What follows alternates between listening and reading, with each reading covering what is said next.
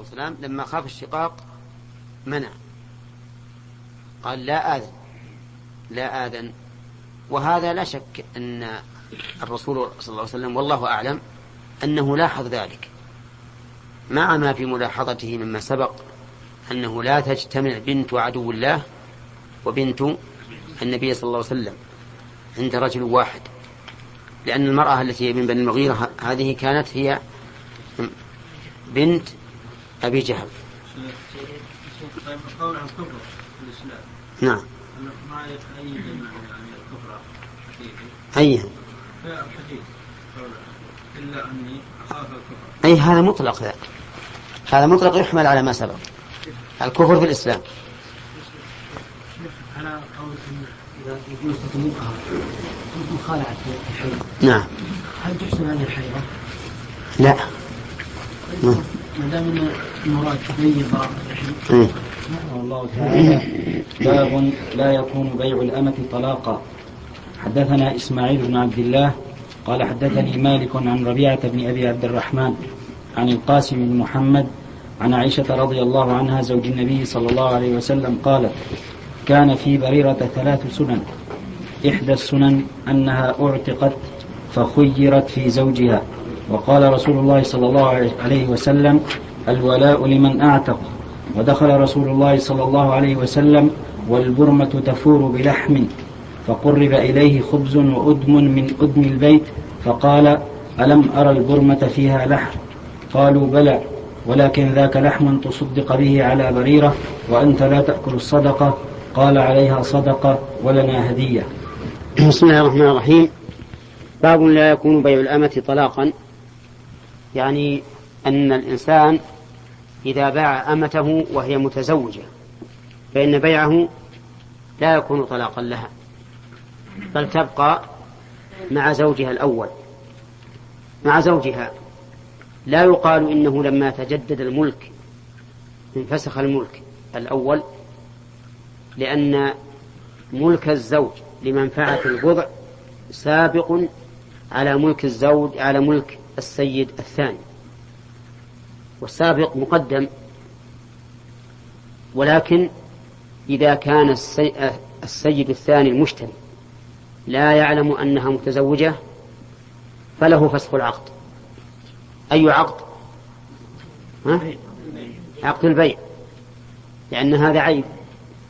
لأن إذا كانت متزوجة لا يمكن أن يستمتع بها بما يستمتع به الرجل من امرأته.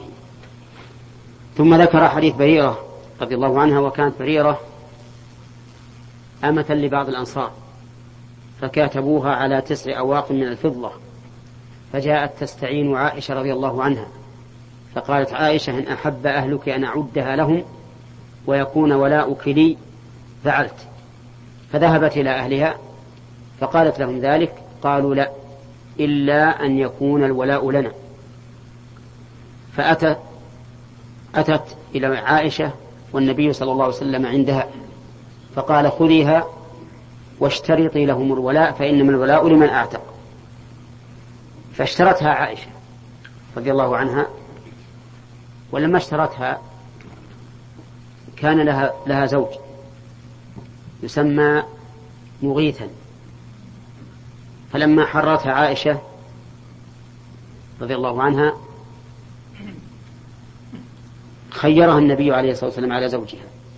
وهذا هي السنة الأولى. قال كان في بريرة ثلاث سنن والسنن هنا أعم من أن تكون مستحبة يعني أنها تشمل السنة الواجبة لأن السنة في لسان الشارع غيرها في لسان الفقهاء.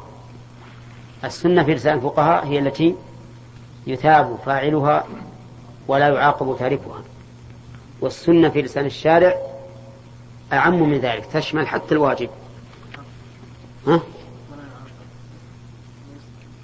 كيف؟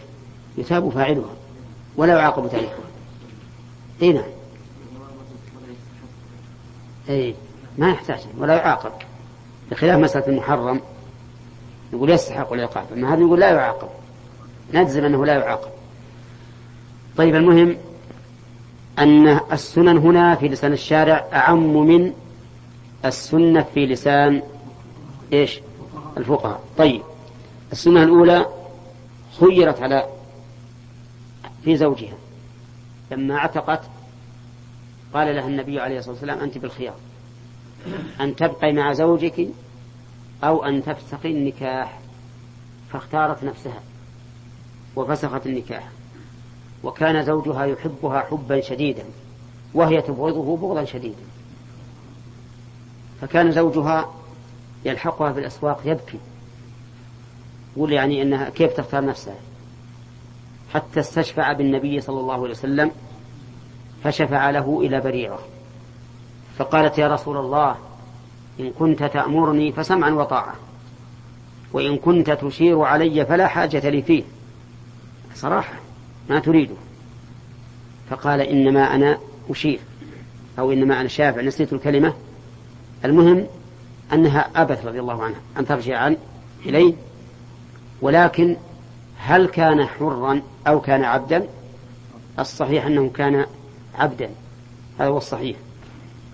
طيب ثانية قال فيها الرسول عليه الصلاة والسلام الولاء لمن أعتق. وهذا سنة ولا واجب؟ ها؟ واجب واجب أن يكون الولاء لمن أعتق لا لغيره لأن الولاء لحمة كلحمة النسب. فكما أن الإنسان لا يتبرأ من أبيه فكذلك العتيق لا يتبرأ من سيده ولا بالعكس. قالها حينما قال حينما قال لعائشة خذيها واشترطي لهم الولاء فإن الولاء لمن أعتق. لكن وش الولاء الولاء هو عصوبة. كعصوبة النسب.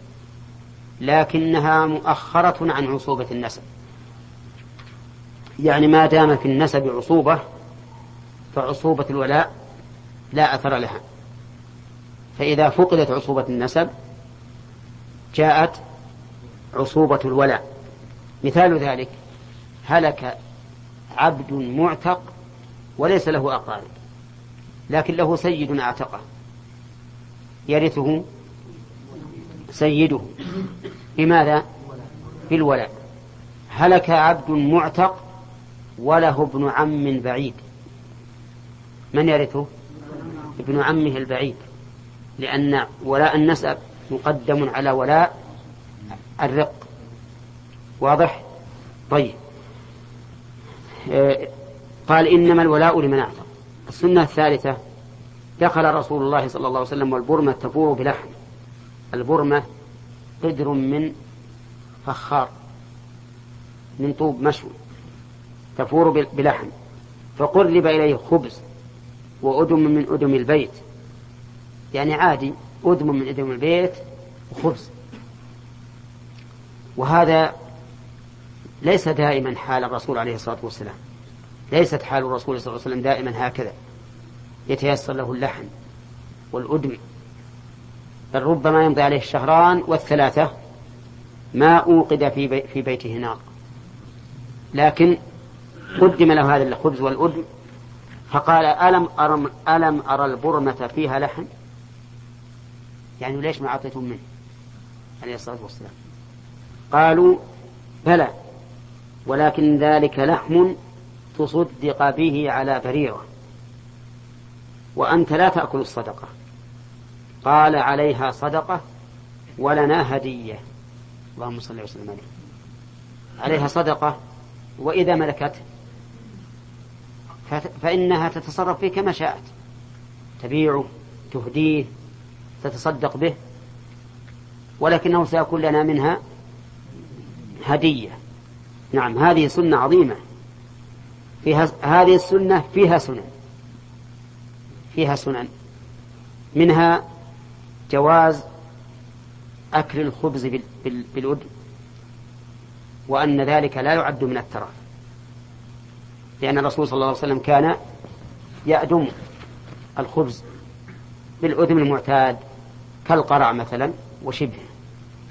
ومنها أن الخبز يؤدم باللحم. كقوله ألم أرى البرمة فيها لحم؟ وأفضل ما يؤدم به الخبز اللحم. كما قيل إذا ما الخبز تأدمه بلحم فذاك أمانة الله الثريد. وقال النبي عليه الصلاة والسلام فضل عائشة على النساء كفضل الثريد على سائر الطعام. ومنها جواز سؤال الرجل عما يحدث في بيته. بقوله ألم, ألم أرى البرمة فيها لحم. ومنها أيضا جواز مناقشة أهله إذا قدموا له طعاما وفي البيت ما هو خير منه. ولا لا؟ أين فإذا قدموا الغداء مثلا وليس فيه فاكهة وهو يرى الفاكهة في البيت يجوز يقول لهم رأيت الفاكهة في البيت ورا ما قدمتوا لي؟ ها؟ يجوز. إي نعم. لأن الرسول قال هكذا. ومنها أيضا جواز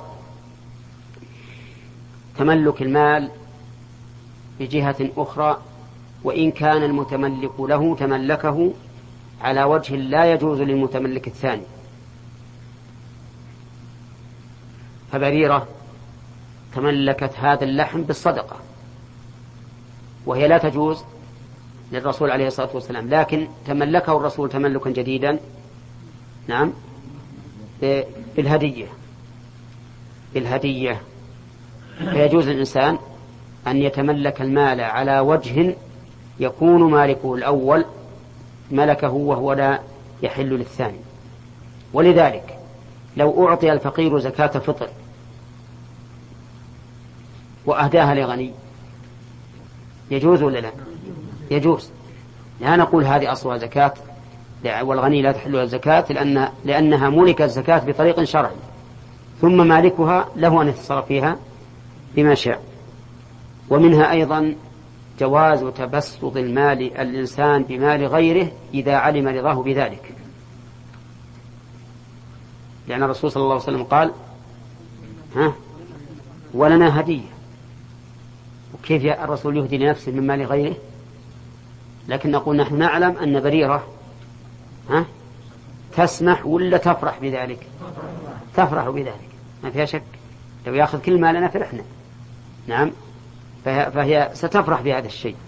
إذا نقول هذا فيه دليل على أن الرسول الإنسان إذا علم أن صديقه يفرح إذا أخذ شيئا من ماله ويرضى بذلك فلا حرج عليه في هذا.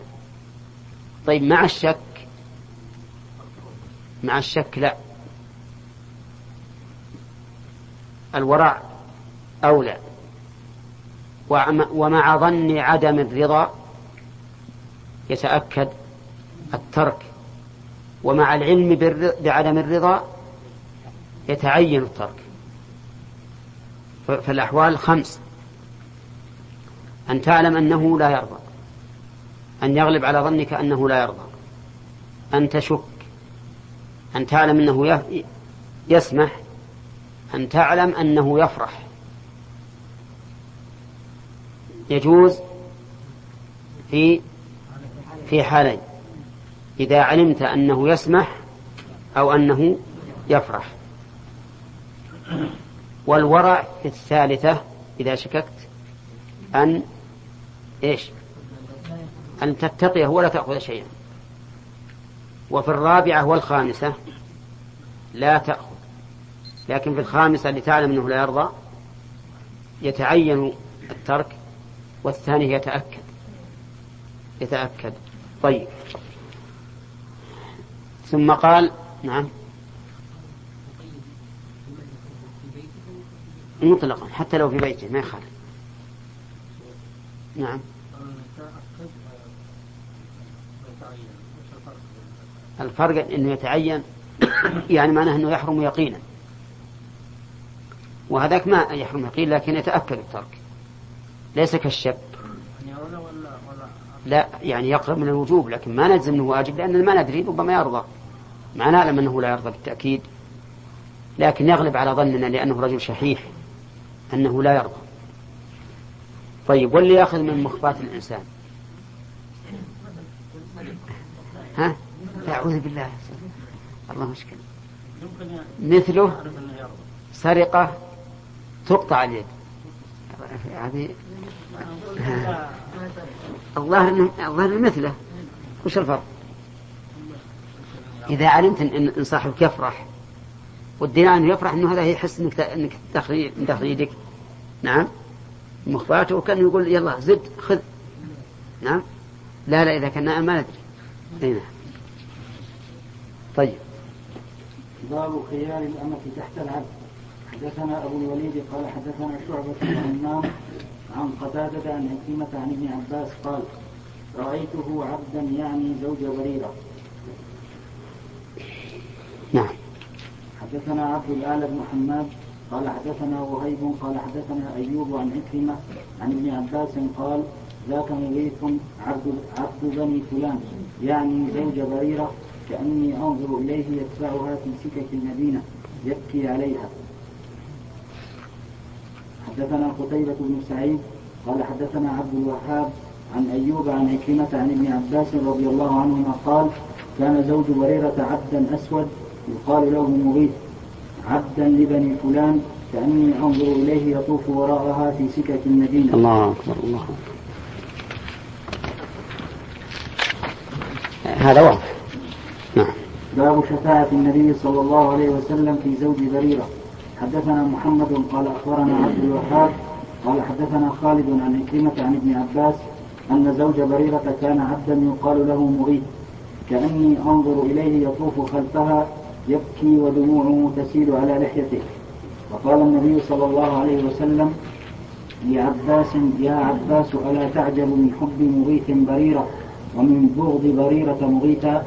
فقال النبي صلى الله عليه وسلم لو راجعتيه. قالت يا رسول الله تأمرني. فهي عندك لو راجعتيه. هو الأفصح أن لا يكون فيها ياء وتجوز الياء لكنها لغة قليلة. نعم قالت يا رسول الله تأمرني؟ قال إنما أنا أشفع قالت لا حاجة لي فيه. هذا أيضا سبق. لكن وجه العجب أن مغيثا كان يحب بريرة حبا أتم شديدا. وهي تبغضه بغضا شديدا. هذا وجه العجب. لأن الغالب أن القلوب شواهد. وأنها إذا, إذا تعارفت ائتلفت. وأن من يحبك تحبه ومن يبغضك تبغضه أما أن يوجد حب شديد لمبغض شديد شديدا. فهذا شيء عجيب جدا. لا سيما وأنها زوجته. وقد جعل الله تعالى وقد قال الله تعالى وجعل بينكم مودة ورحمة. فهذا لا شك أنه من من العجب. ولكنه يدل على أن القلوب بيد الله عز وجل. يصرفها كيف يشاء. وأنه من الممكن أن تحب الإنسان حبا شديدا ويبغضك بغضا شديدا. نعم.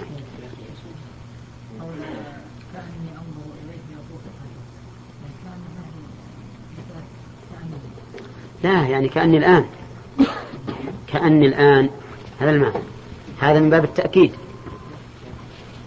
أنت الآن تقول سني أشوفها الحين ها؟ أين؟ نعم.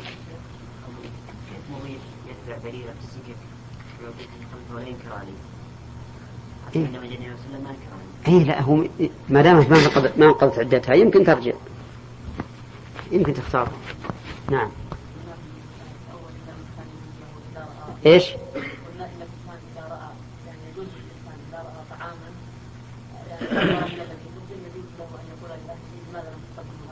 نعم نعم. هل إذا رآه مقدم طعاما أكثر من يعني اللازم له أن عليه فيقول لماذا إذا كان إسرافا نعم. يقول منين جانا هذا؟ أليس الرسول لما قدموا له التمر الطيب قال من أين هذا؟ نعم. نعم. ثلاثة؟ كم ثلاثة؟ خلاص. باب حدثنا عبد الله بن رجاء قال أخبرنا شعبة عن الحكم عن إبراهيم عن الأسود. نحن ذكرنا أن البخاري رحمه الله إذا قال باب ولم يذكر ترجمة فهو نظير فصل في عند الفقهاء. الفقهاء يذكرون باب ويذكرون فصل. البخاري بدل ما يقول فصل يقول باب. ولهذا لا تجد في الصحيح كلمة فصل. نعم طيب. إبراهيم عن الأسود أن عائشة أرادت أن تشتري بريرة فأبى مواليها إلا أن يشترطوا الولاء فذكرت للنبي صلى الله عليه وسلم فقال اشتريها واعتقيها. فإنما الولاء لمن أعتق وأتي النبي صلى الله عليه وسلم بلحم. فقيل إن هذا ما تصدق على بريرة قال هو لها صدقة ولنا هدية. حدثنا آدم قال حدثنا شعبة وزاد فخيرت من زوجها. باب قول الله قول الله تعالى ولا تنكحوا المشركات حتى يؤمنوا ولأمة مؤمنة خير من مشركة ولو أعجبتكم.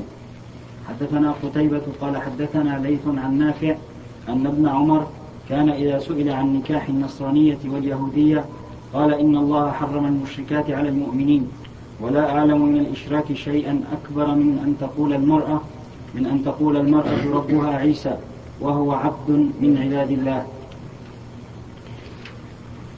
قوله تعالى لا تنكحوا المشركات حتى يؤمن. يعني فإذا آمنا زال عنهن وصف الإشراك فجاز نكاحهن. لا يقال إن الشرك الأول ينسحب حكمه على ما بعد الإسلام فلا تحل. بل إذا زال عنها وصف الشرك حلت. ثم قال ولا أمة مؤمنة خير من مشركة ولو أعجبتكم. هذا يعم. في النكاح وغيره. فالمؤمن خير من المشرك ولو أعجبنا المشرك. وفي هذا إشارة إلى التحذير مما يعمله الناس الآن. يختارون غير المسلمين على المسلمين في العمل والخدمة وغير ذلك. يزعمون أنهم أنصح في العمل من المؤمنين. وهذا قد يكون صحيحا وقد يكون كذبا. لكن على فرض صحته فإن هذه النصيحة أو إتقان العمل يعارضه ما هو أقوى من أقوى منه وهو الشرك وكونك ترى المشرك صباحا ومساء بين عينيك بين عينيك لا شك أنه مع كثرة الممارسة ستذهب عن القلب الغيرة والكراهة لغير المسلمين كما هو الواقع الآن. كان الناس بالأول إذا ذكر اسم الكافر ربما يرتعش الإنسان من الخوف. أما الآن فأستغفر الله. أصبح عند بعض الناس أخا لهم. أخا لهم. ويقولون هو أخ بأي شيء. يعني إنسانية. طيب. أليس الرب عز وجل يقول إنهم إلا كالأنعام بل هم أضل سبيلا. والذين كفروا يتمتعون ويأكلون كما تأكل الأنعام والنار مثوى لهم. هو إنسان. لكن هذا الإنسان شر برية الله. إن الذين كفروا من أهل الكتاب والمشركين في نار جهنم خالدين فيها أولئك هم شر البرية شر البرية. يعني هو إنسان ولو عرف قدر إنسانيته لآمن بمن خلقه وبرسله. لكن كفر هذه الإنسانية وألحق نفسه بالبهائم بل شر بل بشر من البهائم. قالوا أنتم تقولون هكذا. والله عز وجل يقول وإلى عاد أخاهم هودا. ما تقولون في عاد؟ كفار ولا لا؟ ها؟ كفار؟ طيب. كيف سماهم الله؟ سماه أخا لهم. أخا بالنسب. والأخوة بالنسب لا تنتفي بالكفر. قد يكون أخوك قد يكون أخوك كافرا. وتنتفي الأخوة ولا لا؟ النسبية. لا تنتفي. النسبية لا تنتفي. ولهذا لما كان أصحاب الأيكة ليسوا أخا ليسوا من قوم شعيب قال كذب أصحاب الأيكة المرسلين إذ قال لهم شعيب ألا تتقون. ولما ذكر الله رسالة شعيب إلى إلى قومه قال وإلى مدين أخاهم شعيبا واضح؟ فحينئذ نقول لا أخوة بين مؤمن وكافر أبدا إلا أخوة النسب. إلا أخوة النسب لأنه لا يمكن الفرار منها. أما الإنسانية فليس أخا لنا. كان يقول العم بعد أخ؟ والأب؟ أخ وكل كلهم إنسان.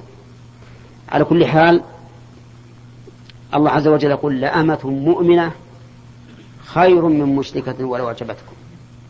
لو تجد مشركة من أجمل النساء وأحسن النساء خلقا وسمتا ولا يوجد لها نظير في المسلمات التي عندك وأردت أن تتزوجها قلنا لا.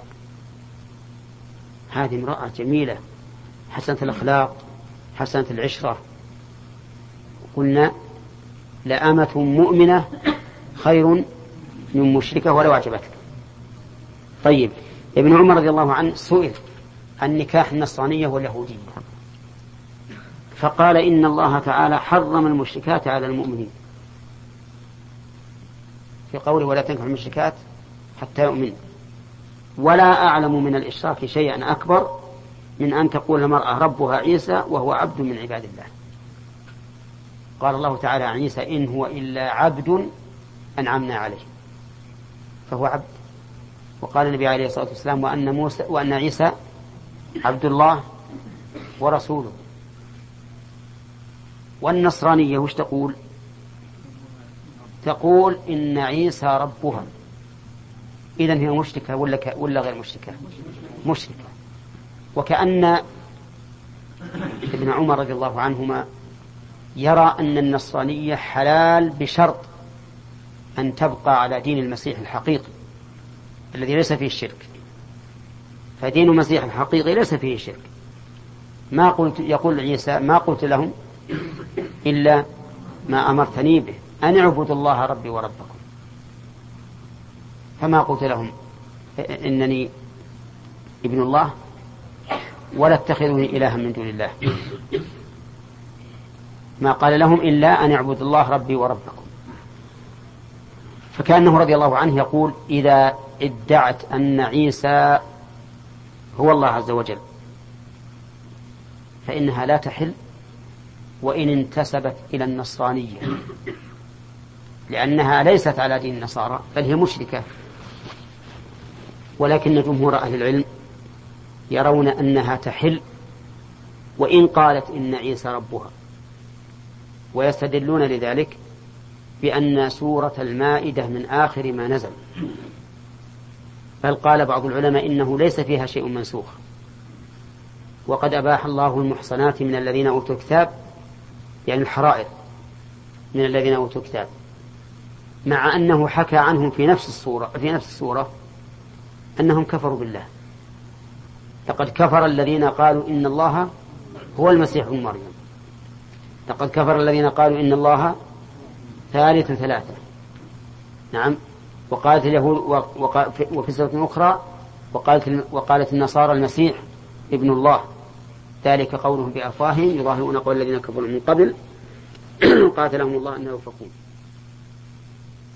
فالصحيح الذي عليه الجمهور أن من دانت بدين النصارى وإن كانت تقول إن عيسى ابن الله أو إن عيسى هو الله أو ثالث ثلاثة فإنها تحل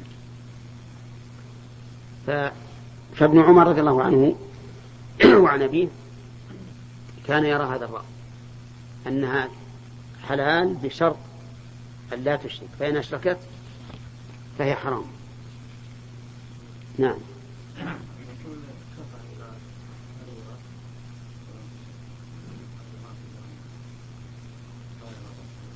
كيف ما فيه؟ أبدا.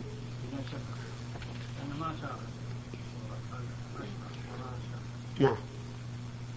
اي وش؟ اي وش؟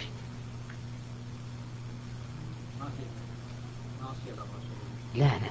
ولهذا قالت أنت تأمرني. إيه سألت.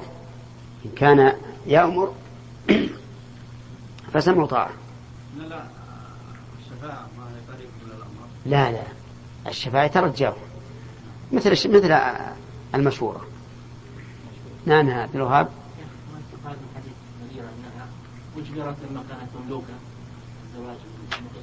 لا. لا لأن البغض قد يتجدد. إيه ربما حصل له بعد. نعم.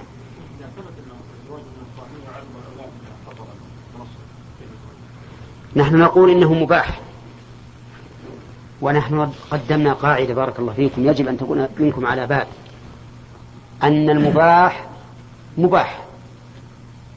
لكنه إذا كان وسيلة إلى إلى واجب صار واجبا وإلى محرم صار محرم. فإذا كان الإنسان يخشى على نفسه إنسان يعرف من نفسه أنه ما عنده الشخصية ويخشى إذا تزوج هذه النصرانية أن تكون امرأة لها شخصية قوية تؤثر عليه. فهذا حرام عليه أن يتزوجها. حرام. يعني كل مباح يمكن أن تجد فيه الأحكام الخمسة بحسب ما يكون وسيلة له. عرفتم؟ البيع والشراء حلال لكن بعد نداء الجمعة حرام. البيع والشراء حلال لكن شراء ماء للوضوء ها؟ واجب.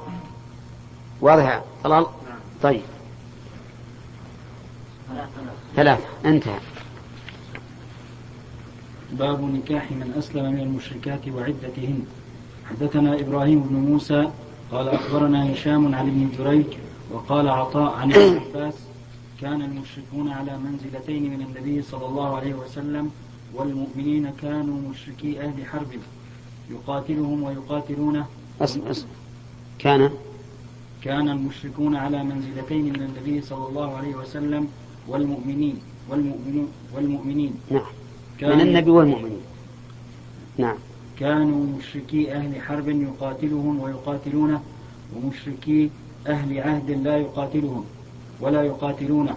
وكان إذا هاجرت امرأة من أهل الحرب لم تخطب حتى تحيض وتطهر فإذا طهرت حل لها النكاح فإن هاجر زوجها قبل أن تنكح ردت إليه وإن هاجر عبد منهم أو أمة فهما حران ولهما ما للمهاجرين ثم ذكر من أهل العهد مثل حديث مجاهد وإن هاجر عبد أو أمة للمشركين أهل العهد لم يردوا وردت أثمانهم.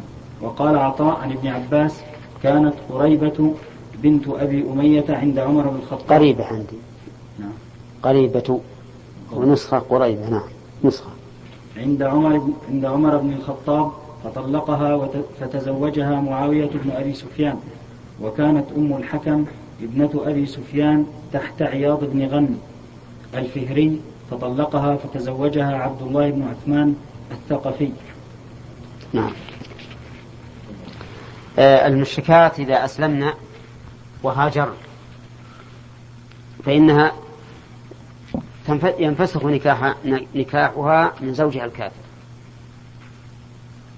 وتحل بعد ذلك لمن؟ للمسلمين. ولكن ما هي العدة؟ صريح هذا الحديث أن العدة حيضة واحدة. لأنها غير مطلقة. وهذا يشهد للقول الراجح أن كل فراق بغير موت أو طلاق فعدته حيضة واحدة. إلا في الحامل فعدتها وضع الحمل. لأن المقصود من هذه العدة هو براءة أو العلم ببراءة الرحم. وهذا يحصل بحيضة واحدة. فالخلع يكفي فيه حيضة واحدة. والفسخ لعيب الزوج يكفي فيه حيضة واحدة. ولعيب الزوجة حيضة واحدة. والفصل اختلاف بين الزوجين وشقاق يكفي فيه حيضة واحدة وعلى هذا فقس. إذا إذا ك... إذا حاضت فإن تزوجت فهي للزوج الثاني وإن لم تتزوج وجاء الزوج الأول فالأصح أن لها أن أن ترجع إليه أن لها أن ترجع إليه. والمشهور من المذهب أنها بعد العدة لا ترجع لأنها بانت منه وانقطعت علائقها منه. والصحيح أن لها أن ترجع لكن لا تلزم. أما لو أسلم قبل انقضاء العدة فإنها ترجع إليه لزوما. فهذا هو الفرق بينما إذا كان إسلامه قبل العدة أو بعدها. أنه إذا أسلم قبل العدة رجعت إليه. وبعدها هي في الخيار. إلا على المذهب فإنه إذا أسلم بعدها فلا, فلا ترجع إليه إلا بعقد. هذا ينفعك فيما ابتلي به كثير من المسلمين أو على الأصح بعض المسلمين الذين لا يصلون. إذا عقدوا على نسائهم وهم يصلون ثم بعد ذلك ارتدوا بترك الصلاة. ينفسخ النكاح؟ نعم ينفسخ النكاح. فإذا حاضت ملكت نفسها. وإن أسلم ورجع إلى صلاته قبل أن تحيض فهي زوجته. على المذهب إذا حاضت فإنها لا ترجع إليه إن رجع إلى الإسلام إلا بعقد. وعلى القول الثاني هو الصحيح أنها إن شاءت رجعت إليه بدون عقد. لأن فائدة انقضاء العدة هو أن الزوجة تملك نفسها. ويدل عليه حديث ابن عباس هذا. قال وكان إذا هاجرت امرأة من الحرب لم تخطب حتى تحيض وتطهر. فإذا طهرت حل لها النكاح. فإن هاجر زوجها قبل أن تنكح ردت إليه. يعني بعد بعد الحيض. بعد الحيض.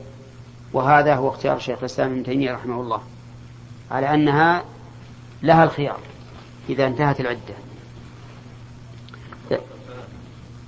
المطلقة ثلاثا أكثر العلماء على على أنها لابد من ثلاث حيض. وقد مر علينا أن شيخ الإسلام رحمه الله قال تكفيها حيضة إن لم يكن هذا خلاف الإجماع. هنا. تقرأ عن الشرح. ما يدل على نعم. لا ما يدل لأنك مطلقة.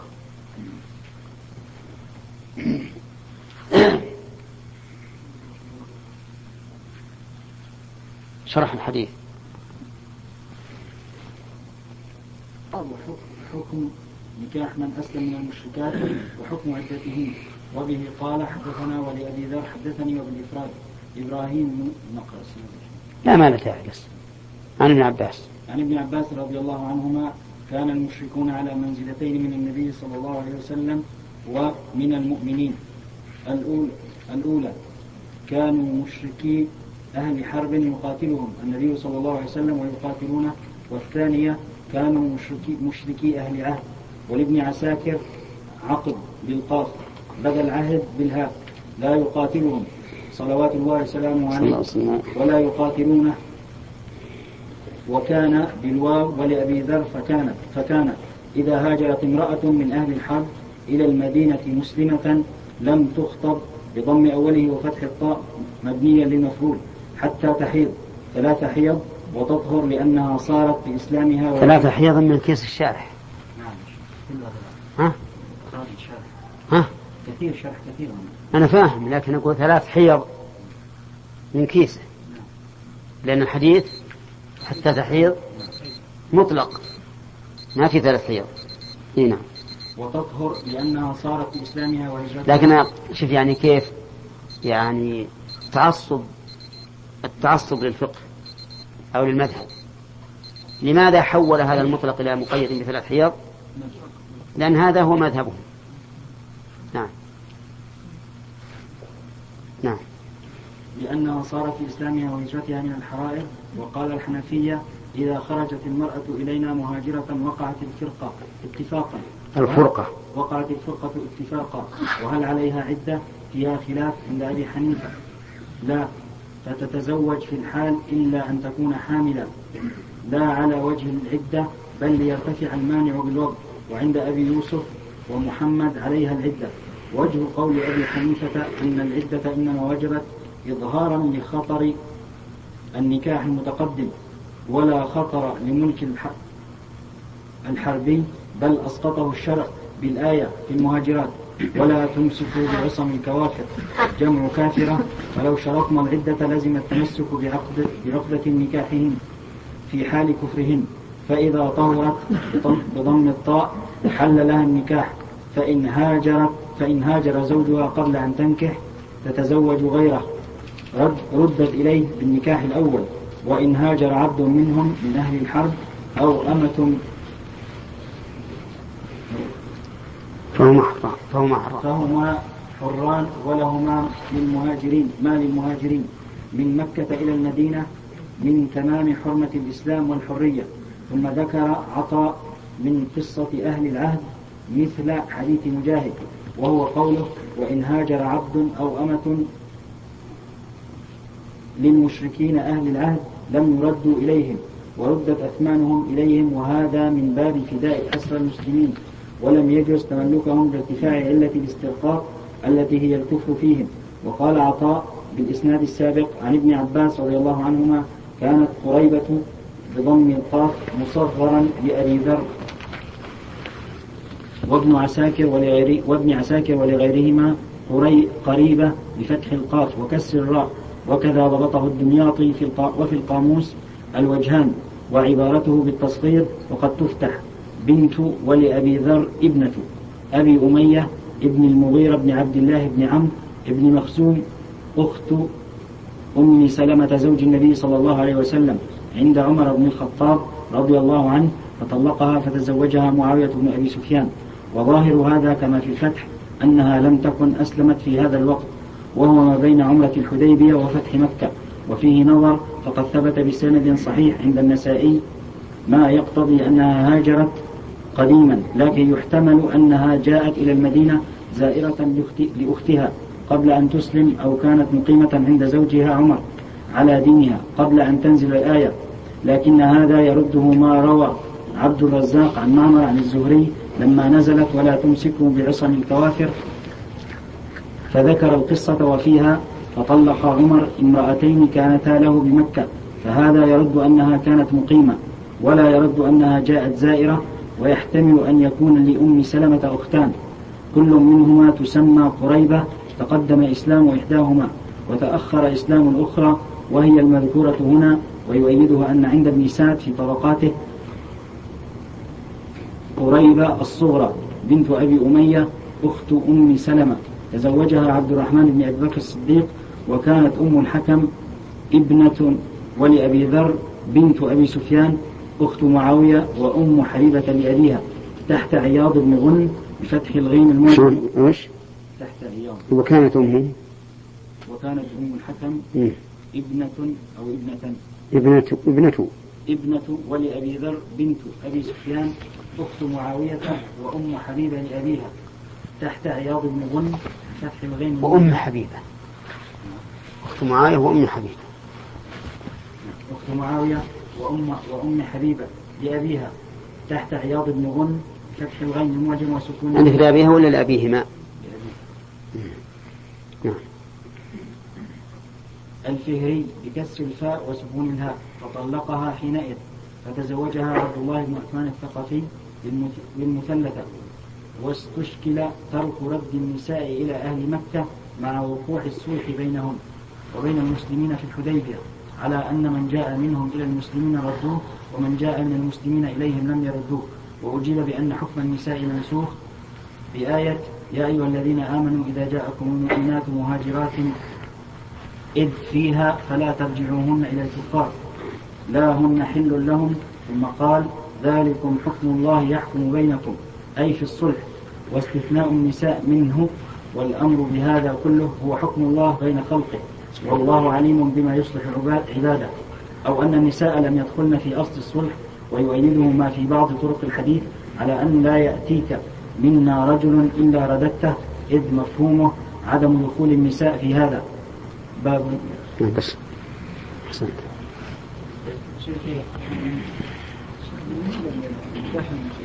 النصارى والمسلمات في قياس إن صح لماذا لا يقاس عليه؟ على على على هذه القضية يعني.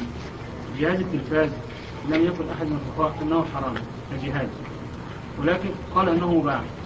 ولكن حرموا استعماله لغلبة الحرمة في فيما يبث فيه. غلبوا استعمال هذا الجهاز. فلماذا لا يغل لا, لا, لا تحرم لا يحرم نكاح المشركات من النصرات واليهود؟ لأن الغالب عليهن الآن أنهن يكفرن الأزواج. يعني. إلا من رحم ربك. أولا بارك الله فيك. كل كلامك هذا فيه نظر من عدة أوجه. الوجه الأول أن أن الناس لم يتفقوا على حل التلفاز كجهاز يا شيخ ما أحد كجهاز. كجهاز كجهاز. مثل هذا الجهاز. كجهاز مثل هذا الجهاز. فإن كثيرا من الناس قالوا حرام لأن مجرد الصورة اللي تظهر فيه حرام. ما أتكلم على ما هذا هذا لما فيه؟ لكن أنا كجهاز كماكينة. ماكينة. وش وش يعمل؟ مثل هذا. أبدا يا أخي. ممكن يستخدم على كل حال الجهاز التلفاز مثلا واحد عنده